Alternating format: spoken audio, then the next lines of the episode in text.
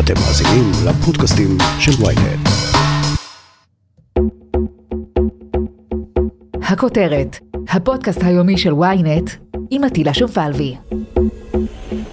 שלום שלום, אה, בשעה שבנימין נתניהו נאבק בשארית כוחותיו הפוליטיים כדי למנוע ממשלת שינוי, בתוך ביתו, הליכוד, החל קרב הירושה. הפעם זו לא הערכה וגם לא ספקולציה, זו עובדה מוגמרת. שר האוצר ישראל כץ חשף ביום ראשון בבוקר לעיני הציבור כי הוא הציע לנתניהו לוותר על הבכורה ולהעביר את השליטה לידיו כדי לאפשר לליכוד להצטרף לקואליציה. נתניהו כמובן סירב, אבל ההודעה המדהימה הזו הוציאה לאור את. המאבקים הפנימיים ואולי את הסימנים של סוף עידן נתניהו. מורן אזולאי, כתבתנו הפוליטית, אני לא זוכר דבר כזה, בטח לא בתקופת נתניהו, כץ יצא למלחמה. נכון, אבל אתה גם לא זוכר מצב שבו אה, נתניהו לא מצליח להרכיב ממשלה כבר אה, שנתיים, אה, ואנחנו שנינו לא זוכרים אה, מצב שבו אה, יכולת התנועה של נתניהו בצירים הפוליטיים שעומדים אה, לרשותו בעצם חסומים, אה, ב, אתה יודע, ממש בעמודי אה, בטון גדולים. אה, ישראל כץ הוא איש עם אה, אה, חוש פוליטי מאוד מאוד אה, ממולח, הוא איש עם מיומנות פוליטית, הוא אדם שיש לו טביעת עין פוליטית מאוד מאוד טובה, אולי מהטובים שיש היום. זה בן אדם שיודע להיעלם פתאום, אחרי שהוא מתראיין אצלך שלוש פעמים ביום, הוא פשוט יכול להיעלם למחרת, ו... כי, כי הנושא הפוליטי פשוט מציק לו, יש לו איזה אינטרס, אז הוא נעלם. ועכשיו הוא יוצא החוצה, ובום מול נתניהו, זה מוקש.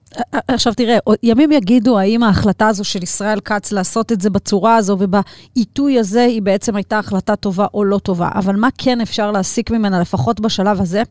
שישראל כץ מזהה את חולשתו של נתניהו, הוא מזהה את זה באופן אה, ככה מאוד מאוד ברור, אחרת אה, גם אם הוא היה מציע הצעה שכזו, הוא היה משאיר אותה בחדרים סגורים ולא מדברר אותה אה, להמונים. אגב, נדמה לי שההצעה הזאת שכבה איפשהו באיזשהו מקום סגור כזה במשך ימים ארוכים.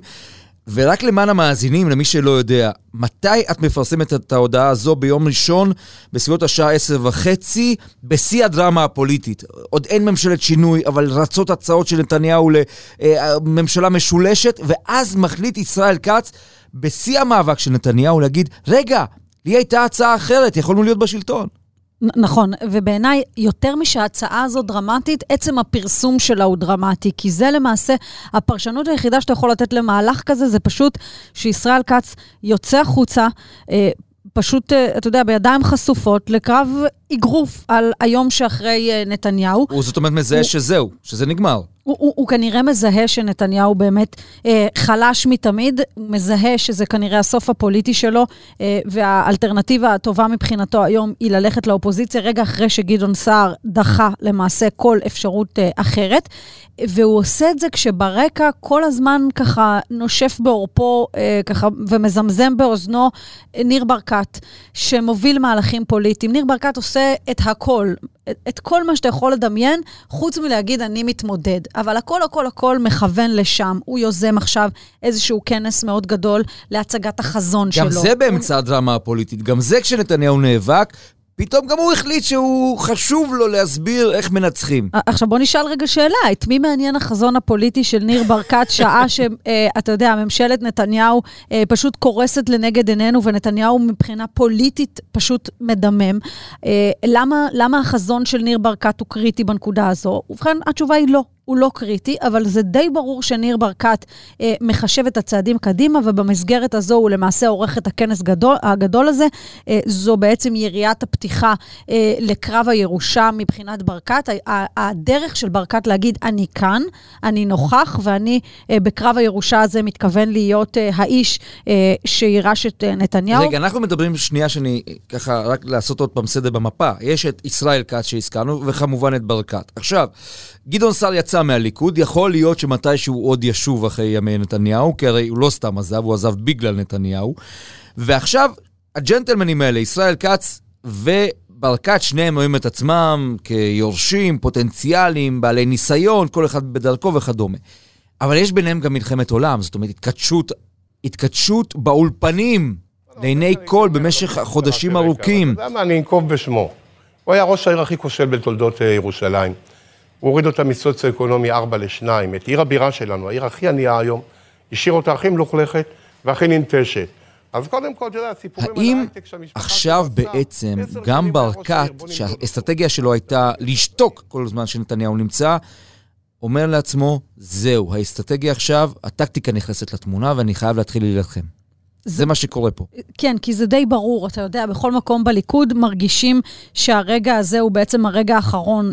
כל הזמן דיברנו אה, מאיפה שואב נתניהו את אה, כוחו הבלתי נגמר, אה, והיו לכך אה, שני הסברים מרכזיים. הראשון הוא תמיד היכולת שלו להביא את השלטון. אין מצביעים בישראל שאוהבים את השלטון כמו מצביעי הליכוד, זה לא קורה בשמאל, זה לא קורה במרכז, זה לא קורה באף מקום אחר. מצביעי הליכוד הם האנשים שהכי אוהבים שלטון, וכל עוד נתניהו יודע היה להביא את זה, אז הסיפור אה, די ברור שכולם אה, יתמכו בו. והעניין השני זה היכולת שלו באמת להביא לדו-ספרתי גבוה, להכניס כמה שיותר נציגי ליכוד לכנסת. והנה המרכיב הראשון נסדק, ואנחנו רואים אותו אה, כבר שנתיים. אה, אגב, ארבע פעמים. בדיוק. אגב, אה, ממשלת אחדות זה לא להביא שלטון. אה, יש הרבה אנשים שאומרים, הנה, הוא הרכיב ממשלה. ממשלה פריטטית שבה יש מנגנון של ראש ממשלה חליפי, זה לא להרכיב ממשלה. צריך להסתכל על העובדה הפשוטה שנתניהו כבר שנתיים לא מושל באופן מוחלט. הוא בעצם הוביל להתפוררות הגוש שלו, הגוש שהבטיח את שלטונו באופן יציב. כבר לא קיים יותר, ומהרגע הזה נתניהו בעצם מאבד את הכוח האסטרטגי הגדול ביותר אה, שהיה לו, ולכן זו הנקודה שבה מסתכלים בכירי הליכוד על האירועים האלה ואומרים, עכשיו זה הזמן. זו האות שניתנה. אמרת בכירי מי עוד? חוץ אה, מכץ זה, זה ו- חוץ ו- מניר ו- ברקת. וישראל כץ. תמיד יש בתמונה הזו גם את יולי אדלשטיין, אה, ואפילו, אה, הייתי אומרת, אה, אנשים כמו מירי רגב, שהיא מאוד נאמנה לנתניהו, אבל ברגע שהוא יזוז הצידה, אם מישהו אחר יזיז אותו, היא לא תזיז מיוזמתה, אבל אם, אם מישהו יזיז אותו, סביר להניח שנראה אותה גם שם אבל במשחקי אנחנו לא יודעים הצמרת. שנתניהו מתכוון לזוז. נגיד והליכוד אנחנו יודעים שהוא לא מתכוון לזוז. זהו, נגיד הליכוד באופוזיציה. בנימין נתניהו, נכון ל- לרגע זה, שאנחנו מקליטים את הפודקאסט הזה ואנחנו מדברים על 30 במאי 2021, נתניהו, גם במקרה של אופוזיציה, מתכוון להישאר מתוך הערכה שמה? שממשלת השינוי הזאת תתרסק? מהר? שהיא תקרוס, שהיא תתרסק, גם אין לו כוונה לנהל את משפטו, אתה יודע, זה כל הזמן אה, צריך אה, לקחת בחשבון שיש כאן גם אה, סיפור משפטי שמתנהל, אין לו שום כוונה לנהל את המשפט הזה כשהוא אזרח מן השורה, ולכן הוא ייאחז בכל תפקיד שהוא יכול עד הרגע האחרון. עכשיו, תראה, אנחנו מדברים על שני אנשים שיצאו בגלוי החוצה, אלה שבעצם נותנים את יריית הפתיחה לקרב של הליכוד. אגב, זה תמיד היה שם, זה כבר שנה נמצא מתחת לפני השטח, הציבור לא ער לזה ולא רואה את זה, אבל מתפקדי הליכוד רואים היטב מה קורה כאן. יש כאן קרב ירושה תת-קרקעי אה, שמתנהל, צריך לחבר את הנקודות לפשוט שורה אחת ולראות את הסימנים. עכשיו זה הופך אה, גלוי. אה, ואם אני מנסה ככה לראות את שני האנשים האלה, אה, אה, את החוזקות שלהם ואת היכולת שלהם לתמרן קדימה, אפרופו קרב ירושה, אז ניר ברקת, אנחנו יודעים, הוא חזק מאוד במתפקדים. רוב מתפקדי הליכוד רואים בו, ואפילו מתפקדי ימין, ואפילו הם תומכי ואפילו ימין. מצביעי ליכוד, נדמה לי, מסתכלים עליו כאלטרנטיבה ביום שאחרי נתניהו. נכון, הוא זוכה לפופולריות מאוד גדולה בכל הסקרים שנערכים. הוא בעצם הדמות הבכירה ביותר אחרי נתניהו, הוא האיש שלמעשה יכול לרשת אותו עם אה, נתוני, אה, עם אה, נתונים פופולריים ככה מאוד מאוד גבוהים. ישראל כץ, לעומת זאת, הוא איש שמחובר מאוד מאוד במרכז הליכוד. הוא לא זוכה לאהדה בקרב המתפקדים. של הליכוד, כלל המתפקדים. בוא נגיד, הוא, הוא גם לא דמות לאומית שנתפסת כראש ממשלת ישראל. זאת אומרת, נדמה לי, עם כל הערכה שיש אליו, והוא פוליטיקאי על, אתה יודע, את, אנחנו נתקלים בו המון שנים, בכל פינה, אנחנו לא יודעים אפילו איך הוא עושה את זה, והוא עושה את זה, אבל כדמות, גם כשמסתכלים עליו, אתה יודעת, אני לא, לא בטוח שהוא הוא, הוא עובר חלק לאנשים בגרון כ-The Prime Minister of Israel, נכון? יש לו הרבה עבודה בעניין הזה. אחת החולשות הגדולות שלו זה בעצם שעד היום, כמי שהיה נטוע מאוד חזק בליכוד, עם ה-DNA הימני, לא הייתה לו יכולת למצב את עצמו כפי שניר ברקת עשה את זה בחוץ, והגיע די מוכן, לפחות מבחינת המיצוב שלו ומבחינת איך שהוא נראה החוצה. לישראל כץ הייתה פה מגבלה. הייתה לו קדנציה מאוד טובה במשרד התחבורה. הוא אגב חושב שגם הייתה לו אה, קדנציה מאוד טובה במשרד האוצר, וכל זה עדיין לא הכין אותו לרגע הזה שבו אתה אה, אומר, הציבור מדמיין אותו כיורש של נתניהו, זה לא קרה. וברקת יש לו את זה, גם הכסף, גם הלוק, גם העובדה שהוא היה ראש עיריית ירושלים. נדמה לי שזה מציב אותו בתודעתית, ואנחנו יודעים שפוליטיקה זה שלושה דברים, תודעה, מספרים ובריתות, נכון? נכון. עכשיו, ברקת, הוא מוכן לזה לדעתך? הוא היה כולה חבר כנסת, זאת אומרת, נתניהו עשה איתו תרגילים של שר אוצר, כמעט שר אוצר, אבל הוא מוכן לזה? הוא בשל לזה? אני מסתכלת על, על, בסוף על היכולת שלו להיבחר, הוא האיש עם הסיכויים הטובים ביותר להיבחר, ככה זה עובד. להיבחר. הולכים, הולכים כן. למתפקדים ובוחרים. אבל, וכאן אני רוצה לשים כוכבית שהיא היא די משמעותית, דיברנו על החולשות של ישראל כץ, עכשיו בואו נדבר על החוזקה שלו. הוא האיש הכי חזק בקרב מרכז הליכוד היום. הוא האיש המחובר ביותר במרכז הליכוד כיום, ואם תקרה פה דרמה של הרגע האחרון, או כל תרחיש פוליטי שיזיז את נתניהו באיזושהי קונסטלציה, מרכז הליכוד אמור להיות הגוף שימנה את ראש הממשלה הזמני. שם לישראל כץ יש בעצם יתרון מאוד מאוד אה, גדול. כלומר, אה, החולשה שלו בקרב המתפקדים היא בעצם אה, אה, זזה הצידה לטובת החוזקה שלו במרכז אה, הליכוד. אה, כאן ההפך, ההפכים שניר ברקת וישראל כץ בעצם מציגים יכולה לשרת אותו. ולכן הכל שאלה באיזו זירה יתנהל הקרב הזה, אם באמת אנחנו מתגלגלים לקרב ירושה. האם יהיה זה קרב ירושה במרכז הליכוד, ואז למעשה, כפי שאמרנו, ישראל כץ הוא הדמות החזקה, היא הדמות החזקה ביותר שם, אה, זו שבאמת יכולה לעשות גם את האקזיט, או האם האירוע הזה יתגלגל למתפקדים. או גם וגם, הם פשוט שני אנשים שונים, הם הפכים לחלוטין, הם ממש. שונים בכל מה שהם מציגים, הם חזקים בנקודות אחרות לגמרי, ועכשיו השאלה, איפה זה יתנהל? לטובת מי הדבר הזה יהיה? אני, אני יכולה רק להגיד לך מהערכה שלי, ואפילו מידיעה, שישראל כץ לא ייתן לגלגל את זה אה, למתפקדים, הוא לא ייתן לגלגל שום אירוע כזה ל... אה, השאלה אם הוא יכול לבלום את זה, כי, בס... כי תראי, אם באמת אנחנו ביום שאחרי נתניהו, תהיה פה מבולקה, יהיה פה, יהיה, יהיה פה כאוס פוליטי, בטח בתוך הליכוד, ואני רוצה מילה אחת על ברקת, תראי, את צודקת בכל מה שאת אומרת לגבי ישראל כץ, אני חושב. אבל צריך להסתכל רגע על ברקת, איך הוא עבד בשנים האחרונות. עוד לפני שהוא נכנס לליכוד, אני מזכיר לך. דיברנו על זה כמה וכמה פעמים. האיש היה לוקח אוטובוסים בכל יום שישי של פעילי ליכוד, מתפקדי ליכוד, מביא אותם לירושלים, עושה להם סיור, ארוחת צהריים כיד המלך, הכל מהכסף הפרטי שלו כמובן. ומפנק אותם, פעם שאלנו אותו, את זוכרת בריאיון בוויינט באולפן? הוא אמר, אני אוהב את החברים שלי, אני אוהב לפנק את החברים שלי.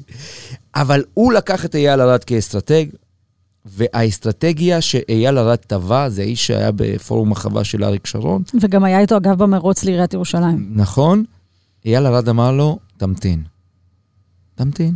לא משנה מה יקרה, תמתין. מי עוד בכוורת של ניר ברקת? אלי ברקת, האח, האיש שמנהל את העסקים שניר עזב. ויש כוורת, יש צוות, הם יושבים, נדמה לי פעם בשבוע, יושבים, מתכננים את הצעדים, כל דבר מתוכנן שם. ויש אסטרטגיה. אמר לי מקורב לניר ברקת, חברים, ההבדל בינינו לבין האחרים, יש אסטרטגיה, וכשניר ברקת עושה כנס כזה, זה, זה לא סתם, זה מתוכנן. השאלה היא מי עוד יבוא מולם. בואי בוא שנייה נצא משני הג'נטלמנים האלה. אמרת מירי רגב, מי עוד את רואה שם? צחי הנגבי? יולי אדלשטיין הוא בעצם אה, הדמות אה, אה, אולי הפוליטית המעניינת השלישית אחרי השניים האלה, משום שזה די ברור מה כוונותיו. אה, אני מזכירה לא חושב שיש לו ש- סיכוי. אה, אני אני מזכירה לך שהוא אומר, נבחר מהמר מקום... עכשיו. הוא הוא נבחר מקום ראשון בפריימריז אה, של הליכוד כן. בסיבובים האחרונים, יותר מפעם אחת. אבל כלומר, מורן, גם כחלון. נכון. את זוכרת? וגם צחי הנגבי. ועוד אני יכול לתת לך, אני חושב, מיליון שמות של מספר ראשון בפריימריז. אבל דיברת על אסטרטגיה, ושים לב את המסלול האסטרטגי של יולי אדלשטיין, שגם מביא אותו למקום הראשון בפריימריז. זה לא איש שהלך למסלול של שר אוצר, שר חוץ ושר ביטחון. זה איש שהלך למסלולים הממלכתיים יותר, מתוך איזושהי ראייה אסטרטגית שדרכם אפשר יהיה יותר מהר לכבוש את הליכוד. הוא הלך למסלול של יושב ראש הכנסת, דיברנו עליו לא פעם אה. במונחים של נשיאות. בוודאי. הוא הלך למסלול הממלכתי, משום שבאסטרטגיה שלו, כך מגיעים מהר יותר בקרב מתפקדי הליכוד לצמרת הזה. עכשיו, יש פה שתי אסטרטגיות, שונות נעריך, לחלוטין. בואי נעריך את ואני. אנחנו מסתכלים אחד לשני בעיניים, בגאט פיל, בבטן. את חושבת שיולי אדלשטיין יש לו את החומר להיות יושב ראש הליכוד? במציאות הקיימת. תראה, אה, קשה מאוד לנתח את, ה, אה, את המצביעים, של, את, ה, את, המצ, את המתפקדים של הליכוד ביום שאחרי אני נתניהו. אומר לא, אני אומר לא. אני, אני אה, מסכימה שהיום, ככל שכל הקלפים פרוסים בפנינו ואנחנו רואים את הכל, אה, ניר ברקת הוא האיש עם הסיכויים הגבוהים ביותר להחליף את נתניהו. הוא אגב הכי אה, מזכיר אותו בכל מיני אה, עניינים. גם העובדה שאתה יודע, בשעה שישראל כץ הוא מציג איזושהי, אתה יודע, אסטרטגיה של נגישות, אפילו סחבקייה, דברים מהסוג הזה, ניר ברקת הוא אחר לגמרי. הוא טיפה יותר מורם, הוא לא האיש שיודע להסתחבק, הוא לא האיש שיודע לתת את הצ'פחה בטבעיות. האירועים האלה של, אתה יודע, ללכת לבר מצוות ולחתונות ולדברים מהסוג הזה, הם לא דברים שבאים לו טבעי. אבל הוא יעשה את זה. זה לא הוא. הוא יעשה את זה. הוא עושה את זה, והוא עוד יעשה את זה, אבל זה לא בא לו טבעי כמו שזה לא בא לנתניהו אה, טבעי. ולכן אני אומרת, יש כאן שלושה אנשים, אה, יולי אדלשטיין, ניר ברקת וישראל כץ, שהם אנשים שונים בתכלית, הם מציגים דרכים שונות להגיע כן. לפסגה, כל אחד עם הסגנון שלו. אני שם לב שאת מתמקדת בשני, בש, בשניהם, זה כאילו... אני בעודך מדברת, פתחתי פה את uh, סיעת הליכוד בכנסת. השמות, אדלשטיין, אוחנה, אמסלם, אקוניס, אז אמרנו אדלשטיין בפנים, ביטן בטח לא יהיה, בר... קרן ברק לא, ברקת בפנים. יואב גלנט, אבי דיכטר, צחי הנגבי, אלה אנשים שמפנטזים הרבה מאוד שנים על, ה... על הבכורה. זה לא יהיה האנשים אה, שבגללם אנחנו נקצוץ ציפורניים, יכול מאוד להיות שהם יריב באמת... יריב לוין? יכול להיות שהם יגיעו לקרב הזה ואפילו לנקודת הסיום של הקרב הזה, אה, אבל אם אתה שואל אותי, מי האנשים שבהם אנחנו נעסוק בצורה אינטנסיבית, השניים האלה. ברגע שזה אה, אפילו, הייתי מסרטטת ציר של שלישייה עם פוטנציאל לרביעייה, אה, אה, יולי אדלשטיין הוא האיש השלישי ומירי רגב היא הרביעית. רגע אחרי שנתניהו אה, מפנה את הזירה, בעיניי אלה האנשים שאנחנו נעסוק בהם הכי הרבה. אף אחד מהם, אגב, לא משנה עד כמה הוא חזק, לא במתפקדים ולא במרכז וכדומה, אף אחד מהם לא יכול לבד. הם צריכים תמיכת חברי הכנסת, הם צריכים מערך, הם צריכים מנגנון, הם לא יכולים לעשות את זה לבד. לכן, ישראל כץ, סביר להניח, כבר עכשיו בונה לעצמו כוורת בקרב אה, סיעת הליכוד, וניר ברקת יצטרך לעשות את זה בדרכים שלו. לבד יהיה להם מאוד מאוד קשה. צריך להקים את הכוורת הפוליטית ולא רק האסטרטגית, זה חייב ללכת בשילוב. זה מאוד מעניין, אגב, איך הקרב הזה ייראה. כי אם הפרומו הוא דוגמה למשהו, והחבטות זה נגד זה עד עכשיו, אז זה הולך להיות קשוח. זאת אומרת, אם נגיע לנקודה הזו של קרב פנימי, זה הולך להיות מאוד מאוד קשוח. זה יהיה אחד הדברים אה, הכי מכוערים בעיניי אה, שראינו פה, וראינו כאן כמה מערכות מכוערות במערכות בחירות אה, ובקרבות אה, יצריים שהיו כאן. בעיניי, קרב הירושה של נתניהו, מנהיג יציב של 13 שנה ופופולרי מאוד בליכוד, יהיה באמת, אתה יודע, השיא של השיא מבחינת הגועל שאפשר יהיה לדמיין כאן. וזה בגלל שיש כאן הרבה מונח על הכף, זה בגלל שהקופה הזו, יש בה הרבה מאוד... אתה יודע מה לקחת, ולכן ככל שזה בעצם אה, אה, אה, יתגלגל אלינו מהר יותר, אנחנו נראה את זה גם אה, אה, יוצא החוצה בצורה אה, עוצמתית. אנחנו רואים את הניצנים הראשונים של זה עכשיו, אבל אני, אני מניחה שזה ילך ויתעצם הרבה הרבה יותר. אני די משוכנע. מורן אזולאי, שאת ואני עוד נשתמע כאן אה, די בקרוב אה, סביב מה שקורה בליכוד, אבל נדמה לי שבשלב הזה נלך עם הדרמה שמתרחשת כרגע. הנה הקרבות נפתחים לאט לאט. מורן אזולאי כתב דלו על פוליטית. המון תודה. תודה, אטילה.